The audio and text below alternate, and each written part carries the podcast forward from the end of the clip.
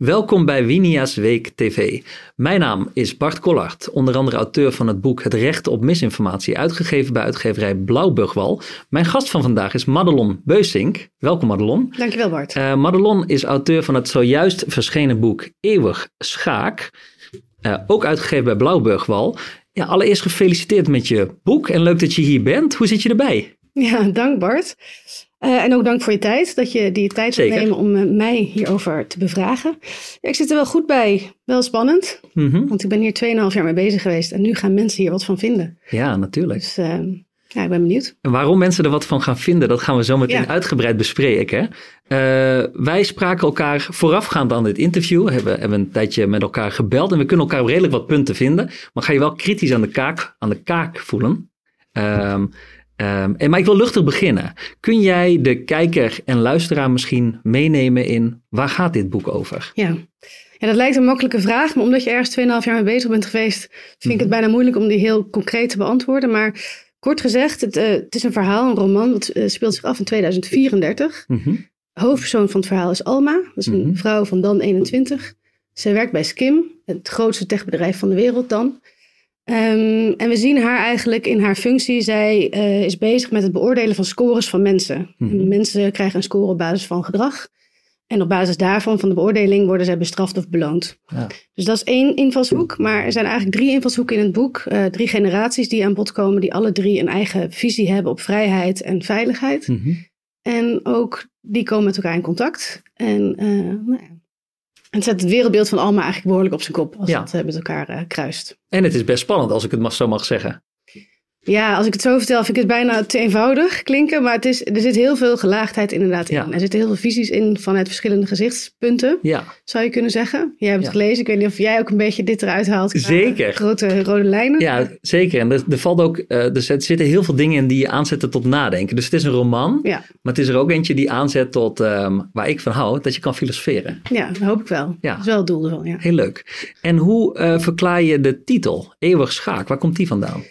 Ja, eeuwig schaak. Schaken is natuurlijk een uh, ja, strategisch spel. Mm-hmm. En ik denk uh, dat het boek ook wel dat strategische en ook zeker het spelelement in zich heeft. Dus mm-hmm. uh, dat wil ik zeker in terug laten komen. Je hebt me ook eerder gevraagd van waarom niet schaakmat? Ja. nou, schaakmat, dan is een partij natuurlijk direct voorbij. En ik denk dat jij ja. ook wel in het verhaal hebt kunnen lezen. Klopt.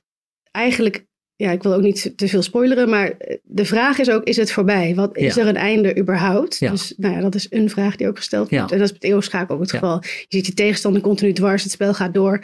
En uh, nou ja, ik denk dat die elementen wel voor naar voren komen. En dat uh, voortdurende spel komt omdat uh, in dit boek de overheid ja, of het almachtig is, weet ik niet. Maar de overheid is heel machtig. Je hebt, in dit boek is er een hele sterke overheid. Mm-hmm. En daardoor gaat, duurt dat spel ook weer voort. En er zijn nog wat redenen, maar die denk ik dat we niet moeten gaan benoemen inhoudelijk. Dan moet u het boek maar uh, kopen en lezen. Um, maar ik zei al tegen je, het boek deed mij denken aan een mix van uh, afleveringen van de, de serie Black Mirror uh, en 1984 van George Orwell. Ehm, Black Mirror, voor de mensen die het niet kennen, is een, is een serie van volgens mij zes, zeven seizoenen met allemaal afleveringen over voor een heel groot deel technologie, maar ook Vooral controlemaatschappij mm komt heel erg terug. En uh, ik denk dat de luisteraar en kijker uh, van, deze, van deze clip, dat die wel het boek 1984 van George Orwell kent. In hoeverre heeft dat laatste boek jou geïnspireerd ja. om dit te schrijven? Ja, ik snap, ik, het is sowieso een eer om uh, daar in één zin te worden genoemd, mm-hmm. Orwell natuurlijk. En ik snap die vergelijking. Ik moet wel zeggen dat uh, Black Mirror heb ik niet gezien. Orwell heb ik een jaar of 15 geleden gelezen. En ook uh, Dave Eggers heb ik wel regelmatig gehoord. Mm-hmm. Van The Circle, die tien jaar geleden is geschreven. Ja. Die boeken hebben mij denk ik wel echt geïnspireerd. Onbewust. Want het is echt lang geleden dat ik ze gelezen heb. En die heren zijn natuurlijk een tijd ver vooruit geweest. Orwell heeft het boek geschreven eind jaren 40. Uh, Eggers tien jaar geleden. Mm-hmm. Over technologie, waar dit boek eigenlijk ook over gaat. Ja, en ik schrijf eigenlijk tien jaar vooruit. Ja. En eigenlijk vind ik het helemaal niet zo visionair. Omdat ik denk, de heel veel dingen zijn nu al zichtbaar. Mm-hmm. Dus nou ja, in die lijn zit ik niet. Maar wat ik denk ik wel gemeen heb met die boeken... is dat de thema's heel erg overeenkomen. Censuur, controle, ja. privacy. In een wereld waarin heel veel uh, eigenlijk ja, wordt beoordeeld. En uh, ja, misinformatie, daar weet je natuurlijk ook alles van, ja. uh, wordt bestraft. Dus ik denk dat thema's heel erg overeenkomen. Ja. Ja. En waarom heb je uiteindelijk ervoor gekozen om dit boek te schrijven? Was het gewoon, ik dacht, ik zit lekker in de zomer in de zon. Ik denk, ik ga eens een leuk boek Het schrijven. was wel een het zomer, ja. ik zat eh, denk ik ook in de zon. Maar ja, dit vind ik een best wel een lastige vraag. Want het is natuurlijk niet één, eh, één moment geweest. Mhm. En ik denk, ik, alles wat wij doen, überhaupt, en wat wij vinden en hoe wij leven, dat is een verhaal. Kijk, alles wat wij voor onszelf bedacht hebben, dat is een verhaal. Dat kun je zo ver doortrekken als grenzen, als geld, als autoriteiten, als wat wij als waarheid zien. Ja, En wie wij als waarheid aannemen. En dat is Ja. volgens mij altijd vrij, nou, dat gaat vrij soepeltjes, lijkt Mhm. het op het eerste gezicht. Ik ben hier begonnen met schrijven in de zomer van 21. Mhm. En toen, ja, eigenlijk kan ik daarvan zeggen, is dat mijn verhaal niet meer strookte met het verhaal wat ik om me heen zag gebeuren. Mhm. Dus dat gaf een enorme ja, eh, onrust in mij. ja. En ehm, het ging ook een beetje fout met de verhalen die de mensen om mij heen wel als waar aannemen. Dus ik ben eigenlijk gaan onderzoeken waarom voel ik zoveel weerstand tegen wat hier nu gebeurt. En Ja. ik denk dat heel veel mensen wel snappen wat er toen gebeurde. Hè? Dus Ja. er waren de regels die... De maatregelen, De maatregelen. ja. Ehm, de- maar het is eigenlijk iets van alle tijden. Het is niet alleen van de zomer van 21 geweest. Nee. Het, is, het heeft eerder ook gespeeld. Orwell heeft niet voor niks zijn verhaal Mhm. geschreven. En het gaat in de toekomst waarschijnlijk nog vaker gebeuren. Mhm. Maar voor mij was dit een moment dat ik dacht... Hoezo Ja. strookt dit niet meer met wat ik denk dat de waarheid is? ja. En dat ging bij mij heel erg over die vrijheid. Ik werd beperkt in mijn vrijheden. En ik merkte aan mensen met wie ik over sprak. En ik was daar heel erg, nou best wel fel in. Ik denk dat ik daarom ook ben gaan schrijven. Want Ja. spreken is niet direct mijn eerste, mijn eerste choice, zeg maar. Maar ehm, mijn vrijheid werd ingeperkt. Maar andere mensen ja, maar het gaat om de veiligheid. Mhm. Die van mij of van, die van een ander. Aha. Letterlijk ook zo werd gezegd. Dus die discrepantie voelde ik heel erg. Van waarom voel ik dit zo heftig in mijn vrijheid? En nou ja, Ja. dus daar is het verhaal ook op gebaseerd. Ja. Dat zijn eigenlijk ook die, al die perspectieven die daarin naar voren komen. Ik probeerde ook niet mijn visie in te zetten, maar juist die Mhm. Meerdere. Meerdere perspectieven. Ja. En dat is denk ik ook wat ik bedoelde in het begin met dat het je aanzet tot nadenken en filosoferen. Want ook over deze. Waar moet de balans liggen tussen veiligheid en vrijheid? Je kan niet absolute vrijheid hebben, je kan niet absolute veiligheid hebben. Nee. Daar, zit, daar moet een, een verhouding tussen Ja. En, en waar leg je die? Ja, waar leg je die? Ja, en. Daar, daar ging jij over nadenken tijdens die periode van die, eh, van die maatregelen. Ja. En toen dacht ik, ik ga een boek schrijven. Ja, nee, ik dacht eigenlijk, ik ga nu van me afschrijven. Dat, Oh ja. dat is wat ik dacht. Oh ik ga van me afschrijven. Ik ga eh, een soort grote lijn proberen te zien. Wat gebeurt er nu? Wat is er in Ja. het verleden gebeurd? Dat zie je in het boek natuurlijk ook terugkomen. Ja. Dat is de generatie van de jaren 50 eh, personage die erin zit. Die geeft ook grote lijnen in wat er, nou ja, wat er is gebeurd. Wat, de- wat, wat de invloed van toen, de maatregelen, de ideeën van toen zijn op de wereld van nu. Ja. Of van 2034. Ja. Dus in die zin eh, kun je dat denk ik doortrekken. Maar dan is dat van je afschrijven is wel ook succesvol gebleken. Want ik zei al tegen je van, ik ging het in de avond lezen en ik had het bijna uit en ik wilde niet stoppen. Maar ja, ik moest op een, gege- op, op enig moment moet je naar bed. Nou, Dus ik heb het, maar ik heb het binnen 24 uur uitgelezen. Ja. En het, was, het is pakkend, het is interessant, het is heel fijn eh, eh, to the point geschreven eh, en spannend. dankjewel. Ik, en ik lees niet heel veel romans, moet ik zeggen, maar ik heb dit met heel veel plezier gelezen. Dus het is denk ik, je hebt het van je afgeschreven, maar je hebt het ook op een manier gedaan dat het aantrekkelijk is voor andere mensen om jouw verhaal en die verschillende perspectieven, om die, om die ook tot zich te nemen. Ja, nee, dat is ook wel het doel denk ik geweest. Van, eh, Ja, Welke invalshoeken zijn het? Dat is voor mij ook een zoektocht geweest. Van hoe steek ik dit in? En dat ik eh, zelfs af en toe dacht, oh, deze, deze gang, ja, dit gaat er nu gebeuren. Of dit Ja. is haar gedachtegang. ja. Dat voor mij af en toe ook een verrassing was. Ja. Dus ja, Oké, misschien zullen sommige mensen zeggen: Oké, hartstikke leuk, Madelon, dat jij van je af hebt geschreven. Maar we zijn inmiddels ehm, twee jaar verder. De COVID-maatregelen zijn er niet meer. En waarom is Blauwburg wel nou ja. Ja. zo gek om zo'n boek uit te geven? Terwijl dit, dit speelt helemaal niet meer. Ehm, wat is het in de huidige tijd misschien nog wel wat je ziet waarom dit boek relevant is? heb je even. Nou, we hebben nog, eh, nog nou, ik denk niet dat eh, meneer Winia het goed vindt als ik nog drie uur met je ga zitten, maar we hebben nog even. nou ja, ehm, het, wat ik zei, heel veel mensen die hebben wel destijds gehoord hoe ik over dingen dacht. En hebben ook misschien wel gedacht, als jij een boek schrijft gaat het alleen daarover. Ja. Maar dat is dus niet het geval. Ik, ik heb het ook liever niet over de COVID-maatregelen. Mhm. maar over de controle waar we in zaten. En het gemak waarbij het verhaal, Ja. het verhaal wat het door een autoriteit is verteld, die je het vertrouwen hebt gegeven om zo'n verhaal te kunnen vertellen, wordt geaccepteerd. Mhm. Of dat waar is, of terecht is of niet terecht is. Ja, Wat ik nu zie, het heeft eigenlijk allemaal te maken met, met controle en centralisatie van macht. ja, Dat zie ik nu ook. Dat zie je in mondiaal gebeuren, dat zie je in de nou, Europese Commissie, noem het maar. ja, Daar, daar worden maatregelen genomen, wetgeving gemaakt, die voor iedereen gelden, maar die wel echt eh, veel ja, diep ingrijpend zijn voor, Mhm. voor ieder. En dat wordt vaak gedaan onder de noemer van veiligheid, transparantie, efficiëntie, eh, bescherming tegen criminele organisaties, noem maar. Ja. Wat allemaal hele nobele strevens zijn. En misschien ook wel hele goede intenties zijn. Mhm. Die begrijp ik ook heel erg. Mhm. Want ik gebruik zelf ook eh, digitaal pinnen met mijn telefoon. Of een Ja, ja. face ID, noem maar wat. Dat, dat is ook heel handig. Het is ook heel handig. Ja. Dus ik- daar heb ik niks tegen. Maar ehm, het gevaar zit hem daarin. in- voor mij in twee dingen. Is de afhankelijkheid Ja, die je daarvan krijgt. Want het teruggaan naar gewoon alleen maar een bankoverschrijving. Of een brief sturen is... Contant eh, geld. eh, contant geld, noem maar wat. is lastig. ja, Maar ja, daarin blijkt dus ook wel weer het gemak en Mhm. de efficiëntie. En fijn dat het er is. Maar teruggaan is lastig. En dan schuilt hem voor mij in de voorwaardelijkheid. ja. Die er aangekoppeld zou kunnen worden. Hoeft niet zo te zijn, maar ik noem even voor het gemak een CBDC, het Digital Mhm. Services Act, eh, de European Identity Wallet. Alles wat er nu gemaakt wordt, daar zou het in kunnen gebeuren. En dat is ook wat ik in Ja. het boek beschrijf. Stel je nou voor dat er zo'n samenleving ontstaat waarin het wel gebeurt, Mhm, of verder dan we nu hebben.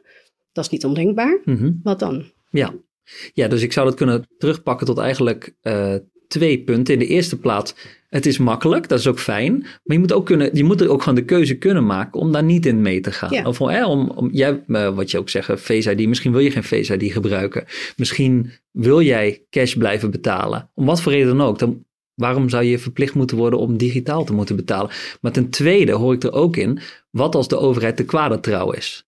Hè, dat zit er ook een beetje in. Ja. Of, of het hoeft niet te kwade trouw gaat misschien zelfs te ver. Misschien is het ook wel eerder dat je kan zeggen, ja, wat als het gaat als macht gewoon een, een, een belangrijkere rol Ja. speelt? Nou Dan ja, zijn die maatregelen best gevaarlijk in één keer. Hoe nobel ze misschien in eerste instantie ook zouden kunnen zijn. ja, en dat is inderdaad, ja, wat je zegt, het, dat zou een ter kwade trouw iets kunnen zijn. Mhm. Of gewoon het doorschieten van dingen waarbij je niet meer terug kan. Ja, precies. Dus helemaal geen kwade intentie Nee. achter zitten. Dat, Nee. dat, dat, dat wil ik helemaal niet suggereren ook. Nee, Dus nee eh, maar precies. ik denk dat inderdaad keuze is heel belangrijk. Dat je Ja. zelf de keuze houdt en dat er een alternatief moet blijven zijn. Ja. Ja. En dat er ook iets meer, minder vanuit angst kan worden Ja, geregeerd. Of dingen, want alles wat hier gezegd wordt, veiligheid en efficiëntie en transparantie, is een angst wat eronder ligt. Er is, de, we zijn niet veilig of eh, we, moeten, eh, we moeten al die regels instellen om alles maar een beetje te kunnen kaderen. ja, ja Misschien moeten we iets meer van vertrouwen uitgaan en gewoon lekker het laten gaan, het loslaten Ja, en iets minder regels. Maar dat. ja, Oké, en als ik hem terugpak naar je boek. ehm, op enig moment in een van de eerste hoofdstukken, dan verandert plotseling het perspectief. ja, Eh, in één keer is er een ik-persoon. Die hadden we nog niet gehad. Dat blijkt Bram te zijn. Eh, dat, Bram is de vader van Alma. Ehm, en ik dacht toen ik dat zag, volgens mij is ik ook echt ik. Volgens mij is ik Madelon. ja scherp. Ik eh, heet ook Bram. ja, dat, dat, was, dat was voordat je Madelon bent. ja, Ja, dat mag wel nu. Laten we daar maar niet over hebben. Maar eh, ja, Bram, ik verscherp je het heb gezien. Want inderdaad, eh, het, is een, het is een verteller. De- Het hele verhaal is in Mhm. de derde persoon geschreven. Maar inderdaad, Bram is in de ik-vorm. Hm. En dat is een, letterlijk een ander perspectief, Ja. zou je kunnen zeggen, Ja. in het verhaal. Hij Ja. heeft ook een ander perspectief dan de verteller. Ja.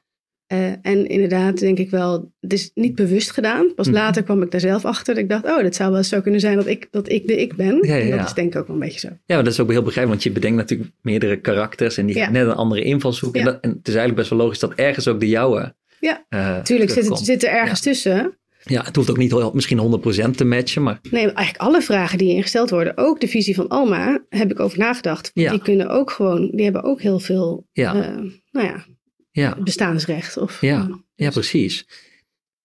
En, maar waarom is het zo slecht als mensen zich conformeren naar gedrag ehm, dat een al dan niet democratisch gekozen overheid wenselijk acht? Ja, dat is hem niet slecht per se. Want ehm, als men zich wil conformeren, weer die keuze Mhm. die je zei, dan, eh, dan moet ze dat lekker doen. Ja, Volgens mij zit de crux hierin dat als je je niet wil conformeren, dat het ook Ah. oké is. ja, precies. En dat die keuze er ook mag zijn. Ja, Want ik denk eerlijk gezegd, en dat is, dat is de democratie, dat die beide perspectieven er mogen zijn. En dat Mhm. het iets meer te maken heeft met de normen en waarden van de samenleving Ja. dan met harde regels. En Ja. we gaan nu in mijn ogen iets te veel naar de harde regels. Want zo moeten we leven. En Ja. anders, dat is weer de voorwaardelijkheid, zou je niet meer mee mogen doen. Ja, Dat was, precies. des- dat was destijds wel het geval. en is dit dan ook het, eh, jouw bezwaar tegen het puntensysteem? Want met een puntensysteem word je verplicht om mee te doen. En wat bedoel je precies met het puntensysteem? Het puntensysteem in het boek, Ja. social, social krediet eh, zou je ja, kunnen ja, noemen. Hè? ja, het lijkt een beetje op wat je dus nu in, in China, wij noemen het, ik noem het in het boek eh, de score. De score, ja. Eh, ja, in China heb je dat natuurlijk al, Mhm. die, die credit score. En als ik dat eens tegen mensen zeg, zeg ja, maar dat is in China, dat is ver weg en zo. Dat is een heel andere samenleving dan wij hebben. Ja, precies, ja. Nou, ten eerste, ik denk het is, het is ver weg van, nou ja, als je de wereld zo bekijkt, gewoon naar beneden kijkt. Maar Ja. het is op deze aarde is dit gewoon nu gaande. Dat Ja. mensen worden beoordeeld om wat te doen, Ja, eh, worden bestraft en beloond. Ja. En eh, dat zou hier ook kunnen komen. Dat is inderdaad zeker een, eh, een, ja, een angst die ik erbij heb. Ik wil niet een angst spreken, maar dat, daar moeten we wel voor uitkijken. ja, En ik denk ook in het niet conformeren aan bepaalde regels, daarin schuilt juist ook wel de creatie, denk ik. Want Ja. juist daarin ontstaan nieuwe ideeën, daar, daarin zijn andere invalshoeken waar een maatschappij ook wat aan kan hebben. mhm, Dus juist in het niet conformeren zou je kunnen zeggen, oh, daar, daar zit ook wat in. ja. En laten we dat niet meteen uitvlakken. Nee, oké. Ehm, in eeuwig schaak, het, het wordt volgens mij, het is niet een hoofdding, maar het komt een paar keer wel een beetje terug. Er bestaat geen individueel eigendom hè, in, Mhm. in, de, in de samenleving hier. En dat is iets dat zie je in meer dystopieën, zie je dat wel terug. Dat eigendom stopt te bestaan. In hoeverre ehm, vrees jij of zie je potentie voor het ontstaan van zo'n samenleving waarin eigendom verdwijnt? Is Ja. het, of is het gewoon een absurd scenario? Nou, ik denk dat niks meer absurd is. Oh ja. Nee, dus Ja. dat alles kan. Ja. Eh, en als dat zou gebeuren, zou ik dat wel een, eh, een vervelend scenario vinden, op zijn minst. Ja, En dan gaat het me eigenlijk niet eens zozeer om eigendom als in eh, spulletjes hebben. Of, of gewoon ja, de dingen die je hebt, maar meer over het zelfbeschikkingsrecht wat je hebt en wat je eventueel dan niet meer hebt. Want als je zelf geen eigenaar meer bent, ik noem maar wat van een woning, wie is Mhm. het dan wel? ja, Is ja het dan precies. De staat of, of degene die de autoriteit heeft in dat geval? Mhm, Ja, ja En, en dan kom je weer bij die voorwaardelijkheid. precies ja. Komt daar een voorwaardelijkheid bij kijken? Zo ja, nou dan zit je weer in hetzelfde Ja, eh, verhaal waar ik dus niet in wil zitten. nee, nee. En, en dat heb ik altijd gedacht dat het ondenkbaar is. Eh, Vroeger, een jaar of vier geleden, Tot begin Kijk, 2020. nou, dacht ik, zover zullen ze. Ja. En met ze bedoel ik dan de autoriteit die ik mijn vertrouwen heb gegeven. Ja. Eh, Want het wordt goed geregeld, Ja. zo is het ook. Ja. Zover zal het niet gaan. Maar zover kan het wel gaan. Ja, en ook, en ook best snel. Het kan heel snel gaan. Ja. Dat is juist wat me, wat me daarin ook heel erg heeft verwonderd, om het maar aardig te zeggen. Mhm. Hoe snel een verhaal kan worden opgepakt door, de, door een menigte, Mhm. zolang dus de autoriteit die het vertelt, Ja. maar het vertrouwen heeft van die mensen. Ja.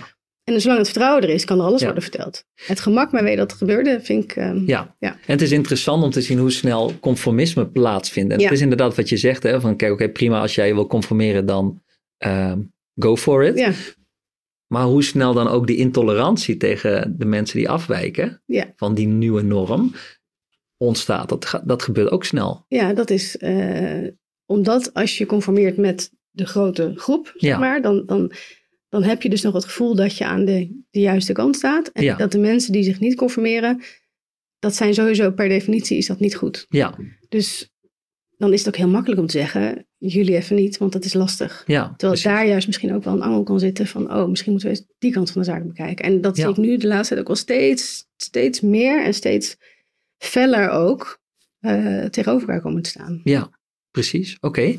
Eh, ik wil nog heel st- eh, stilstaan bij die scorepunten hè, die, die in dit boek zitten. Dat soort van sociale kredietsysteem.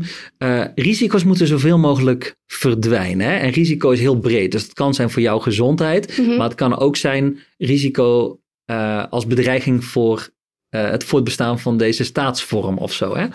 Ehm, en je moet bijvoorbeeld zelfs voedingssupplementen gebruiken, want dat is van invloed op. eh, Zover gaat het. En dan zit het meer in de gezondheidshoek. De overheid bepaalt voor jou Mhm. wat gezond is. Ehm, ze bemoeit, de overheid bemoeit zich werkelijk waar met alles.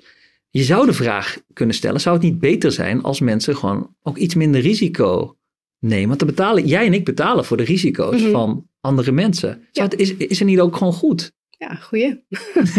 Goed. Eén ding moet ik wel zeggen. Het is niet per se de overheid. Het is eigenlijk eh Skim, dus het Ja, Skim, bedrijf. ja. Dus het is ook een beetje het corporatisme. Wat Ja, dat zit er komt. ook heel erg in, ja. Maar los daarvan, er is Macht een autoriteit die naar beneden werkt waar mensen zich aan moeten conformeren. Mhm. En je vraag was, moeten mensen als eh, wij betalen belasting voor... Voor de risico's. Voor de risico's. Mensen, voor mensen die drinken, roken, die, ehm, die niet sporten, die de hele dag Ja. op de bank zitten. Maar geen die- voedingssupplementen. Ja.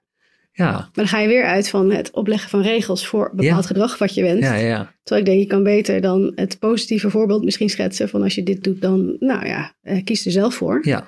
Maar je hebt ook recht van vrije informatie. Informeer jezelf en maak je eigen keuze. Dat zou, zou mijn andere weg kunnen zijn. Ja, dus risico's nemen ehm, is niet iets waar jij je als overheid se mee moet gaan bemoeien. Nee. nee. Nee, in mijn ogen niet. Maar in het Nee. boek krijg je beide kanten. In de boek, ja, maar dat- en dat is mooi. Ja. Dat is mooi. Ehm, wat ik heel interessant vond, eh, was een passage over wat ook wel het demo- het democratisch dilemma wordt genoemd. Hè? Dus dat is de balans tussen vrijheid en veiligheid. Want een overheid in een democratie moet beide garanderen. Hè? Dat wij individuele vrijheid hebben, maar ook dat wij worden beschermd door tegen bedreigingen, fysieke bedreigingen. En als je dus maximale vrijheid hebt, heb je geen veiligheid. Als je maximale veiligheid hebt, heb je geen vrijheid. Ja. Hoe, hoe ga je daartussen zitten?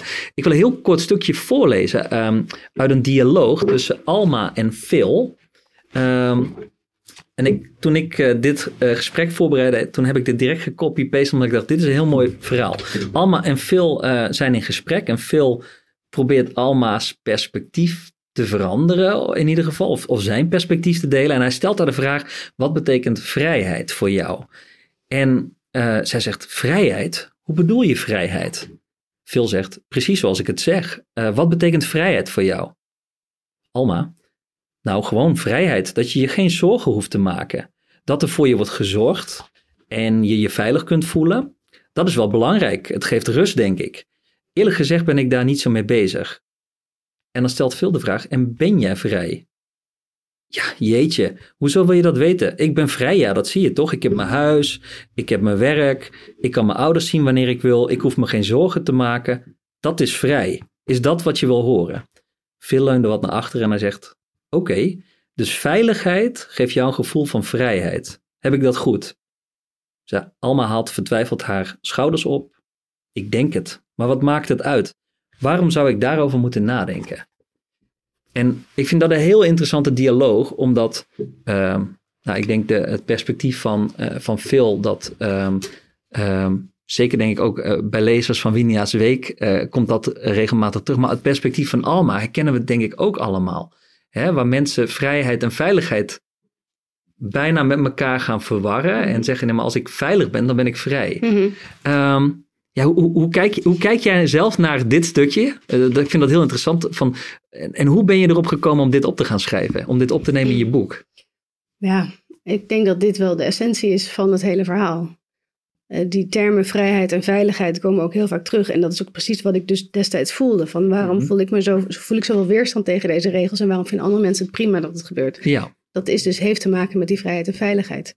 Dus deze dialoog, het geeft eigenlijk ook twee perspectieven. Dus van twee Mhm. karakters weer die, die elkaar een beetje ja, niet in de weg zitten. Alma heeft gewoon een bepaalde visie, is 21, is opgegroeid in een bepa- bepaalde, ja, bepaald leven. En deze film ja. heeft haar, geeft haar af en toe een klein beetje wat andere eh, inzichten, Perspectieven, Ja, perspectieven. Maar ik denk dat het is de essentie van het verhaal. En ik denk ook dat dit juist erop wijst van dat we angst versus vertrouwen komt hier in terug. En eh, de controle ja, versus eh, wat meer vrijheid. ja. Ja. Oké. Ehm, nou gaat het boek ook geen gevoelig onderwerp en discussies uit de weg. Dus dat is ook heel interessant om te lezen. Ehm, ook de vraag hoe ver je mag gaan om het kwaad te bestrijden eh, passeert de revue. Ehm, mag je controle met controle bestrijden? Die vraag komt ook letterlijk in het boek Ja. terug. Dient verzet tegen de overheid altijd conform de wet te zijn? Ja, goede vraag. Ja. Ik stel hem ook in het boek. Ik weet daar niet direct het antwoord op. Ehm, omdat, eh, kijk, als ik... Verzet is niet voor niks verzet. Mhm. Eh, verzet is dus per definitie, zou je zeggen, tegen het heersende narratief in. Anders zou het geen verzet zijn. Ja, En of verzet als goed of slecht wordt bepaald, eh, Mhm. geeft de geschiedenis eigenlijk weer. Of Mhm. eigenlijk degene die de geschiedenis schrijft, ja, zou je kunnen zeggen. Mhm. Dit verzet was goed, dit verzet mag niet. ja, Nou, of het goed is of niet, ja, eh, dat kun je pas achteraf zeggen. ja, En kwaad met kwaad, hetzelfde verhaal. Wie bepaalt wat kwaad is? ja. Ja. Eh, in dit verhaal is het een ander kwaad dan we Mhm. honderd jaar geleden zagen. ja. En wie bepaalt wat kwaad is en wat je mag vergelden? Ja, je kan er allerlei ethische theorieën Ja. op loslaten of geen enkele theorie. Je doet het op basis van gevoel. Ja. Iedereen zal er anders naar kijken. Ja, ik denk dat het ook weer te maken heeft met de maatschappij waarin je leeft, die samenleving. Mhm. Dus dat je dat collectief bepaalt. En dat dat dus niet top-down wordt bepaald wat de geldende regels zijn waar je aan moet conformeren. Ja. Precies weer dat. Dat je ook mag challengen wat er gebeurt. Ja. En, eh, en dat in een dialoog kan aangaan. Ja. Wat ook wel, denk ik, van belang is hierin, is dat de, me- de rol van de media verandert. eh, is veranderd de laatste heel veel jaren, maar ook de afgelopen Hm. 10, 5 jaar ook behoorlijk. En wat je dus nu ook heel erg ziet, die, die, die strijd tussen de, wat ze noemen de mainstream media en de alternatieve media. eh, waarbij er wordt gezegd, ja, de mainstream heeft eigenlijk alleen maar, eh, die praat een bepaald verhaal na. En de, de alternatieve media, daar zitten alleen maar de wappies en de complotgekkie. Mhm. Dus daar, daar, daar zit een hele grote discrepantie in ook. Maar Ja. aan de andere kant denk ik ook, de mainstream, dat is een echt... Daar hebben ze gewoon minder tijd. Er zijn toch ook meer de clickbaits wat gelden. Ook daar geldt weer centralisatie van, Mhm. van wie erachter zit. En de alternatieve kant is meer... Kijk, Twitter is een gro- groot dorpsplein geworden. Mhm, En ja. het is real time, kan iedereen mee- meedenken. Een podcast kan drie uur duren, dus je kan je Ja. veel meer verdiepen. Ook daarin zit weer, wa- wat, wat is de waarheid? Mhm. Maar er is zoveel informatie nu. Ja. Ja. verdiep je, zou ik zeggen. Ja, precies. Dan komen we een beetje op mijn eh, eh, specialisme misinformatie. Misinformatie, Want dat, dat ja. is overal. Ja. Er is overal misinformatie. Maar hoe ga je, hoe ga je zelf duiden hè, van wat, ja, wat, eh, wat, wat is waar en wat is niet waar? En dat Ja. kan best. Nou, ik weet niet of dat per se kan. Wat is waarheid is denk ik een hele lastige vraag. Dat is een hele lastige vraag. Dat is een hele moeilijke vraag. wat mag je dan wel en wat Ja. mag je niet? En wie Ja, bepaalt dat voor je? Exact. Wel, ja. Maar toch niet de overheid van alle mensen. Hè? Eh, ik denk dat de overheid best daar een sturende rol in zou kunnen hebben. Van, Mhm. hè, we, we, gaan, we leven volgens deze maatstaf, maar dat daar wel een vrijheid in bestaat. En er is ook niet een eenduidig antwoord op te geven. Hè? Want Ja. als je zegt, eh, dit mag niet, zit je weer aan de, Ja. hoek van de regels. Ja. En als je zegt, nou, laat alles maar los dan. En ik denk dat het precies is hoe jij eh, eerder in dit gesprek zei. Dat is denk ik het punt. Hè? Van conformisme is prima. Maar je moet het andere perspectief mogelijk Ja. laten zijn. En zo is het ook met dit. Hè? Van je moet niet maar dingen gaan censureren. eh, Nee. omdat, omdat het in jouw ogen, of dat nou terecht is of niet, waar is of niet. Hè? Maar laat ook een ander geluid bestaan. Ja. Dat. Ehm, tot slot, ehm, wat hoop je dat je boek teweeg gaat brengen? Eh, nou, dit denk ik, zo'n Ja. dialoog over ehm, deze onderwerpen. Ja. Ik ben er zelf natuurlijk ook nog helemaal niet uit. Het is niet Nee. dat ik de Nee. waarheid heb. Er zijn Ja. nog steeds die drie stemmen in mijn hoofd van dat boek die nog steeds drie verschillende invalshoeken laten zien. Ja, En ik hoop dat mensen, ik denk dat iedereen zich wel een stem kan herkennen. Zelfs ja, de, de verschillende perspectieven komen hier naar voren. En dat je daar een gesprek over kan aangaan. ja, En dus ook kan zeggen van, ehm, of kan snappen waar die ander vandaan komt. ja. En dus dat dorpsplein misschien wat kleiner maakt weer. Ja. En, eh, ja, dat. Ja, heel goed. Madelon, ik wil jou bedanken voor je tijd, voor je inzichten, voor je toelichting op je eigen boek. Eh, voor u, Eeuwig Schaak, uitgegeven bij uitgeverij Blauwburgwal, te koop via winiasweek.nl. Ehm, en ik ehm, kan wel zeggen eh, dat ik het van harte aanbeveel. Het is super interessant, het zet aan tot nadenken. Ehm, en het leest gewoon weg als een trein, ik kan het niet anders zeggen. Dankjewel. Dus ehm, kijk het en oh ja, klik op like en abonneer. Doen we. Dankjewel Madelon. Dank je.